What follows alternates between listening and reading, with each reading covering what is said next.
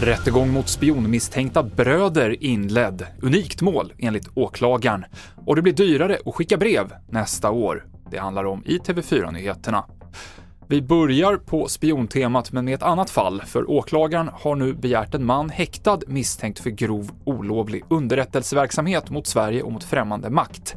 Han och hans fru greps i Stockholmsområdet i tisdags. Hon släpptes igår men är fortsatt misstänkt för medhjälp och häktningsförhandlingen kommer hållas någon gång nu under eftermiddagen.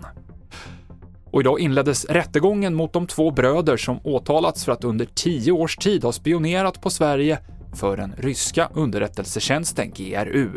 Båda männen förnekar brott och åklagaren Mats Ljungqvist kallar det för en unik rättegång. Ett liknande mål har inte varit för handen i Sverige på över 20 år. Ett sånt här säkerhetsmål är ju ett mål som är en avvägning kan man väl säga med, mellan det då den eh, insyn som allmänheten kan förvänta sig i offentliga rättegångar.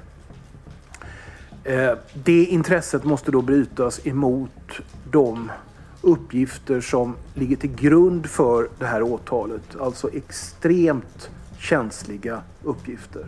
Så åklagare Mats Ljungqvist och mycket av den här rättegången kommer hållas bakom stängda dörrar. Idag så är det världscuppremiär i längdskidor i Ruka i Finland och det är sprint som gäller.